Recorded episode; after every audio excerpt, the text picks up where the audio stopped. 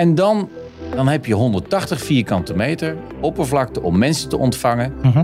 Allerlei manieren. En Ja. dan komt corona. Ja. Ja.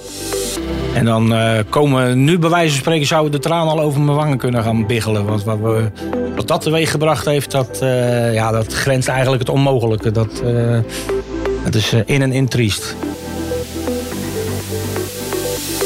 Leuk dat je luistert naar deze podcast. Burgemeester Hein van der Loo praat aan zijn keukentafel met zwijnrechtenaren over hoe zij deze coronatijd beleven. Wat maken ze mee? Waar worden ze verdrietig en juist blij van? Hoe blijft Zwijnrecht veerkrachtig? Gesprekken over tegenslag, hoop en vertrouwen. Dit is Aan de Keukentafel met Dag Hugo. Goedemiddag, burgemeester. Welkom. Dank u wel. Leuk dat je er bent. Fijn dat ik mag komen. Dank u wel. Vandaag is Hugo Vermoen mijn gast aan de keukentafel. Welkom Hugo. Dank je wel. Fijn om er te zijn. Ja, en Ja. Ik, ik mag jou en jullie, je vrouw Jeannette en jullie kinderen feliciteren. Ja, met het heugelijke feit dat ons eh, mooie familiebedrijfje 50 jaar bestaat. Ja, 1 maart jongstleden hebben we ons 50-jarig bestaan eh, gevierd. Op hetzelfde adres. Met, eh, vanuit hetzelfde gezin vandaan, familie vandaan, zeg maar. Dus echt familiebedrijfje. Ja, Een echt familiebedrijf uit Ja. Zwijndrecht. uit Zwijndrecht. Ja, klopt. De familie Vermoen. De familie van Wel bekend aan het Willem Ruisplein. Jullie zijn daar nooit weg geweest, hè? Nee, klopt. 71 is mijn, zijn mijn ouders daar begonnen. Familie Vermoen wordt altijd nog gelinkt aan patat. In de hele familie zijn er een aantal cafetaria's geweest. Die ondertussen jammer genoeg allemaal weg zijn. De naam Vermoen circuleert nog wel. Maar eh, wij zijn van Café Het Spatje. Voor je droogje en je natje zeggen wij altijd. Ja. Ja. Maar vertel eens even van waar die afslag weg van de patat en andere dingen? Mijn vader werkte, en mijn vader en moeder werkten bij eh, opa en oma in de Vergochtstraat. En ondertussen was ook op het Willem Ruisplein een cafetaria geopend waar de broer van mijn vader in is begonnen. Dat was Jan. En mijn vader eh, had meer interesse in om een biertje te gaan verkopen als dat hij patat eh, verkocht. En opa die eh, was niet gecharmeerd om bier te verkopen in een cafetaria. Toen is mijn vader, kwam er een pand te huur op het Willem Ruisplein, nummer 6. En daar is hij samen met moeders in 1971 eh, een gezellig café in begonnen. Ja, en eh, daar kwamen ook klanten die normaal in de cafetaria's al kwamen, zeg maar. eh, die kwamen direct daar naartoe, omdat er behoefte was om, eh, om een lekker biertje met elkaar te drinken en een potje te biljarten. Dus zo is dat gegroeid Dus 1971 is het allemaal begonnen aan het Ja. Willem aan Ruisplein. het Willem Ruisplein. Jouw Eén. ouders. Eén pand. Ja. Ja. Wat herinner jij je van de taakverdeling tussen jouw vader en je moeder in het spatje? Ja, mijn moeder eh, was een eh, geliefd persoon eh, achter de bar, zeg maar. De bekkie bij er, een echt, echt, echt wel een horecamens. Mijn moeder die leefde voor het bedrijf. En mijn vader was wielrenner. Die deed ook veel fietsen. En die ging af en toe nog wel eens om het kopje leeg te maken... tussendoor een eentje fietsen, een uurtje of zo. Maar ze waren wel keihard aan het werk altijd. Want dat is het, hè? Zo'n Ja. café in deze branche. Ja, Het is dag en nacht werken, hè? In een ja. Horeca-bedrijf. Wij werken gemiddeld 110, 120 uur in de week.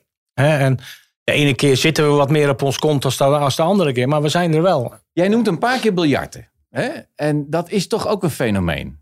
Biljarten, darten ook, hè? begrijp ik. Ja. Wat doet dat in jouw café?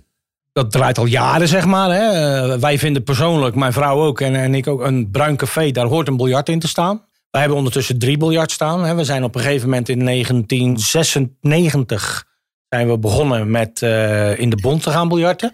Dus zijn we lid geworden van, eh, van de KNBB, district Dordrecht. En hebben we in een korte tijd, eh, hadden we toch 54 leden hebben we een periode gehad, zeg maar. Nou, dan moet ik ook een schatting maken, maar ik denk 20 jaar geleden hebben we in, in, in, de, in de, een van de zalen een dartbord opgehangen. Er kwam iemand bij ons in de zaak en eh, die had een dartteametje wat in de kubiek darten. Ja. En die zochten een andere locatie en daar hebben we mee gesproken. En dat leek ons wel interessant. Toen hebben we een dartbord eh, opgehangen en een baan gemaakt. En dat is gegroeid naar de ondertussen eh negen dartteams die we hebben gooien op verschillende avonden bij ons. En waar we dus ook toernooitjes voor organiseren, waar we ook rankings voor organiseren. Dat doet mijn oudste zoon allemaal. Ik kan iedere luisteraar natuurlijk aanraden om naar Café Biljart het Spatje toe te gaan. Maar je moet je dit voorstellen als een ingang, café, mooie bar. En dan is er een aanpalende zaal. Hè? Mhm. Een tussenzaal noemen we die. Want daarachter zit nog een zaal. Ja. Hè? Dus het is een hele ruimte geworden. Van hoeveel vierkante meter? Eh, in totaal benutbare ruimte hebben we om en nabij de 180 vierkante meter. Moet je eens kijken. Ja. Ja. Ja. En dan, dan heb je 180 vierkante meter oppervlakte om mensen te ontvangen. Allerlei manieren. En Ja. dan komt corona. Ja. Ja. En dan eh, komen nu bij wijze van spreken zouden de tranen al over mijn wangen kunnen gaan biggelen. Want wat, we, wat dat teweeg gebracht heeft, dat, eh, ja, dat grenst eigenlijk het onmogelijke. Dat, eh, dat is in en in triest. Ja, Mhm. ja. 15 maart was op zaterdag. Hadden wij nog een eh, bierproeverij, had de oudste van ons eh, georganiseerd. We hadden 40 mensen voor ingeschreven. In, in de zaal bij ons dan, zeg maar. Hè? Dus dat doen we allemaal in die zaalruimte. Ik had dienst in het café. Daar hadden we van voetbalvereniging Pelikaan een uh, veteranenelftal. Uh, een vrijgezellenavond van, uh, van een van de jongens nog. En uh, die hadden we ook gepland staan. Maar ondertussen, er mocht geen handen meer geschud worden. Dus er was best wel angst al bij, bij mensen ook en alles. Dus we hadden een aantal mensen hadden eh, afgebeld voor die, voor, die, voor die bierproeverij. Wij hebben echt zitten dubben van, zullen we het wel of niet doen? Nou, we hebben het wel gedaan. Die zondag om half zes kwam dan die persconferentie. En toen hadden wij gelukkig maar net um, vier of vijf uh, gasten binnen zitten, zeg maar. We hebben de televisie hard aangezet. En uh, toen kregen we te horen dat we om zes uur de, de deur op slot moesten draaien. Ja. Nou, die kwam al even binnen, moet ik zeggen. Ja. Ja, en ja, dan, uh, dan ga je praktiseren. En dan hebben we het met elkaar over, nou ja, drie weekjes. Want dat werd toen gezegd. Is niet anders. Ja, dat werd uh, elf weken, hè, bijna drie maanden. Nou ja, toen hebben we in al die uh, weken, als eerste hebben de jongens gelijk het initiatief genomen. We hebben gelijk gezegd, we gaan proberen om een, een, een bezorgservice op te stellen, zeg maar. Hè? Want on, onze jongste zoon, die heeft zijn kokspapieren. Die kan ontzettend lekker koken.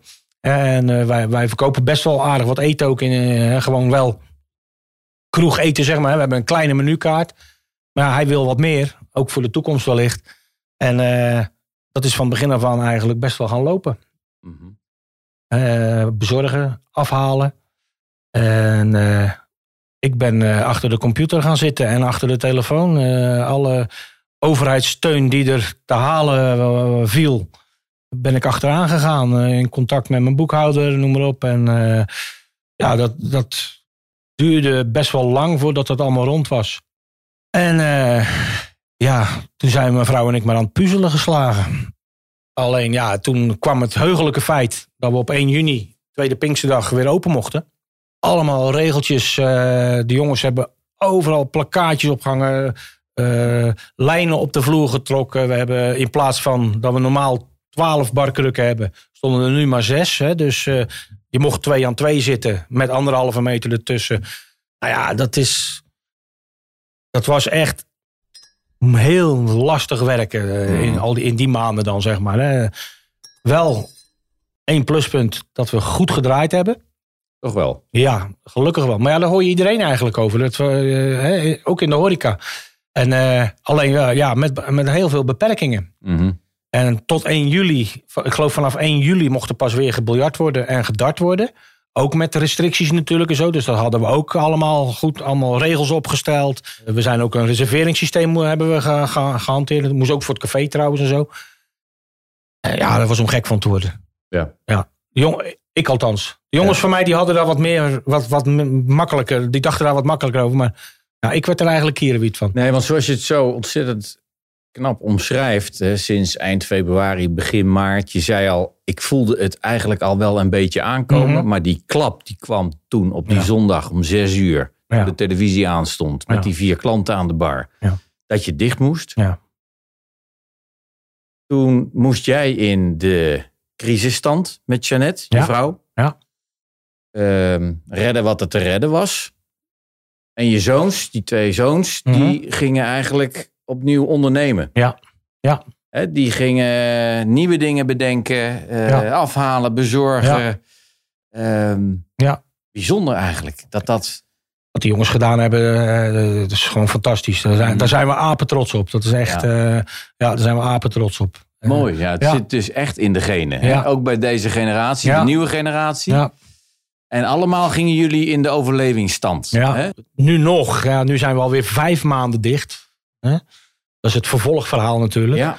De tweede lockdown. Ja, hè, we hadden, we hadden hele leuke maanden vanaf juni tot en met, eh, tot en met 15 oktober.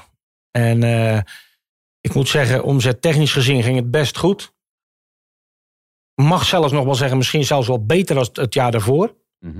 Want daar ben ik ondertussen achter gekomen. Want ja, de overheidssteun is allemaal leuk en aardig. Maar eh, je, je moet op een gegeven moment natte vingerwerk doen. Eh, dan moet je een raming opgeven van wat voor omzetverlies je gaat leiden. Of denkt te gaan leiden. Als je dicht bent en je doet niks. Dan weet je dat je 100% omzetverlies hebt. Maar wij waren dicht, maar we deden wel wat. En wij wisten niet wat, we, wat ons te wachten stond natuurlijk. Dus, en die maanden dat we open geweest zijn, dan word je bij je omzet wordt ook nog eens. De, de- iedereen kreeg 4000 euro gestort, zeg maar. Hè? Dat ging vrij vlot, moet ik zeggen. Maar die wordt wel bij je omzet gerekend. Ja. Dus dat is omzet. Maar de NOE 2, die is precies gevallen in die maanden juni, juli, augustus, september. Hebben we omzet gedraaid. En veel meer omzet gedraaid dan dat ik aan verlies opgegeven had, zeg maar. Dus ik moet alles terug gaan betalen dadelijk. Eh, en dat is even, eh, ja. Het is wel leuk, we hebben de overheidssteun gehad. Dat heeft ons ook gered. Maar het potje wat we toen opgebouwd hebben, ja, dat is nu, eh, dat is alweer verdwenen natuurlijk. Ja.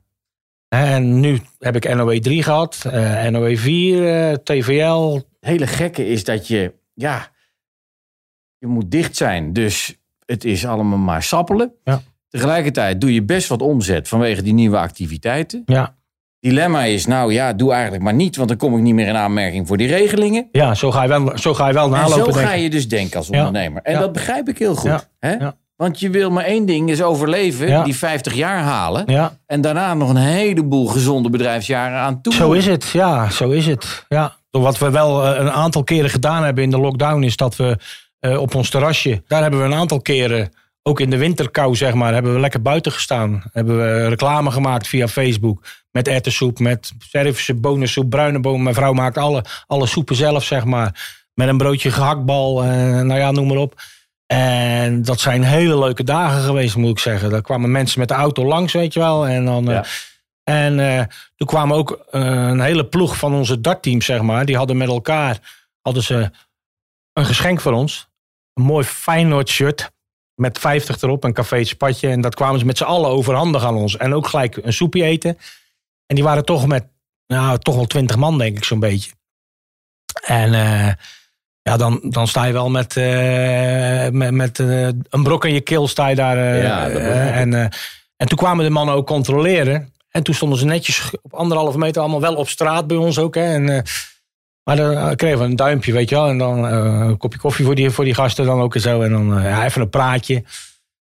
En ja, dan, dan, eh, dan is zo'n dag weer afgelopen. En dan heb je weer een tevreden een gevoel. paar te veel, Hugo. Maar het was menselijk toezicht. En het Ja. was jullie gegund op dat moment. Ja, En ja. eh, jij steekt net zelf ook je duim op. Van. Dat was een heel dierbaar moment. Wat Ja, jullie eh, nou hebben ja. mogen meemaken. Ondanks alle ellende. Ja, nou ja. 1 maart, 50-jarig bestaan. was natuurlijk echt iets heel bijzonders. Ja, ja. Dat was een, een hele moeilijke dag voor ons. Het er naartoe werken, zeg maar, was best spannend. Hè, van hoe of wat. Ik moet zeggen, onze jongens hebben, hadden iets verzonnen. Om er toch een feestelijk eh, iets van te maken, zeg maar. Eh, die hebben jubileumboxen gemaakt. En die jubileumboxen hadden we er 50 van. Die hebben we voor 50 euro te koop aangeboden via social media. En die boxen zaten compleet vol met eh, wat wijn, eh, wat speciale biertjes. De jongste zoon heeft allemaal etensware, verse pro- vers producten gemaakt, zeg maar. En eh, in die box zat dus ook een hutspot, een, een stampot met een verse gehaktbal. En ja, nou, noem maar op, een doos vol. Die waren in twee dagen tijd waren die uitverkocht. Zo. En daar was de bedoeling van dat hij op maandag 1 maart tussen 12 en 8 stonden wij buiten met z'n allen. En dat de mensen die afkwamen halen. En iedereen hebben we een kopje koffie gegeven die daar trek in had met een gebakje. En ik moet zeggen, ja, dat was fantastisch. Dat is uh, kippenvelmomenten gehad. We hebben mensen gezien die we heel lang niet gezien hebben. Mm -hmm. mensen gezien die, die regelmatig ook bij ons bestellen, zeg maar. Hè, waar, waar we ze uh, echt dankbaar voor zijn. Fantastische dag. Hugo, in deze podcast willen we ook graag luisteren naar een gedicht. Wat in deze coronatijd geschreven is door een Zwijnrechtse dichter. En dat wil ik gaan beluisteren nu met jou. Om ja. daarna eens te kijken wat we daarvan vinden. Ja, is helemaal goed. Ja, ja helemaal goed. Komt-ie aan. Oké. Okay. Denkend aan Zwijnrecht zie ik kromgebogen tuinders haast knakken in hun ketelpakken. De grote lint, de ringdijk, vol met winkels en bestaan. De patatkar van Henk de Lip en de kraam van Henk de Boef. Het gebak van Kapinga, op de stip voor een kip bij Dick Paschier. Het biljart van Teun Bezemer, kroegen als Swin en een sarremak. Kinderneuzen tegen winkelruiten bij de televisies van Verkerk. Denkend aan Zwijnrecht zie ik de passage. Het pontje bij het Veerplein, het radiootje van Piet van Leeuwen, kermis op de Langere Straat, de Verhoogstraat met Piet Vermoen, de Swin Towers, de Eemstein, Zonnestein en een verdwaalde kerk die ik nooit bezocht. Een dorp waar tuinders in vergetelheid verdwenen. Maar tussen wat was en het groen ziet men de horeca-sporen lopen. Daar bloeit nog altijd het spatje van vermoen.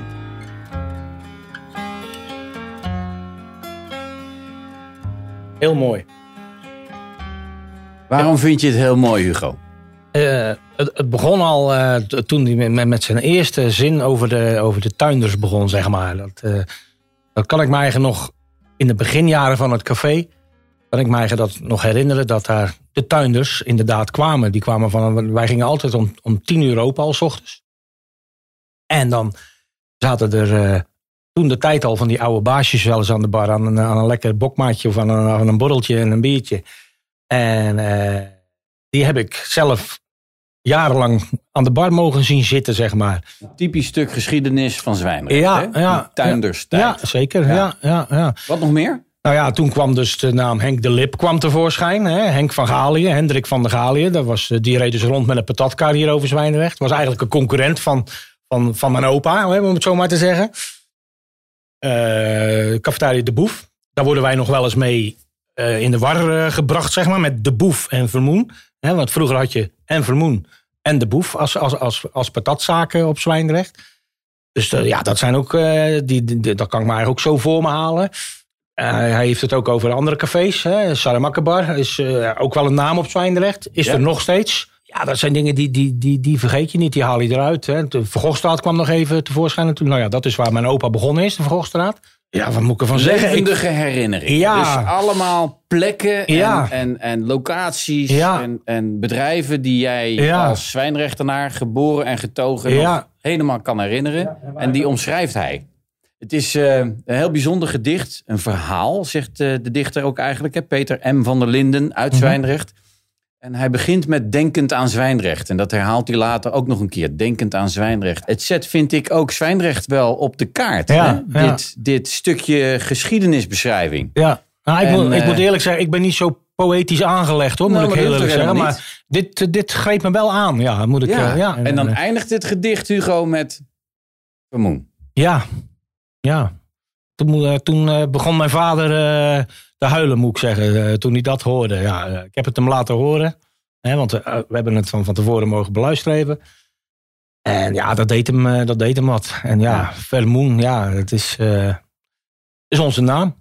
Jullie zijn, ik begon daarmee, een instituut in Zwijndrecht. Ja. Hè, een begrip. Ja. Veel meer dan een kroeg, veel meer dan één biljarttafel, maar echt een instituut. En uh, zo trekken jullie ook een spoor door de geschiedenis van Zwijndrecht. Ja. En uh, nou, als burgemeester wil ik jou, Hugo, en jouw hele familie ontzettend hartelijk feliciteren met dit mooie jubileum. En ook heel veel dank zeggen voor de bijdrage die jullie daardoor in die 50 jaar aan deze gemeenschap hebben geleverd. Ja, nou, daar dank ik u hartelijk voor. Daar word ik echt uh, emotioneel van. Dat meen ik echt. Dat uit de grond van Mart. Ik dank u hartelijk uh, voor de ontvangst. En we gaan wel, elkaar wellicht nog wel vaker spreken. Want u zou het terras komen openen als klaar zou zijn. Die afspraak staat. Oké. Okay.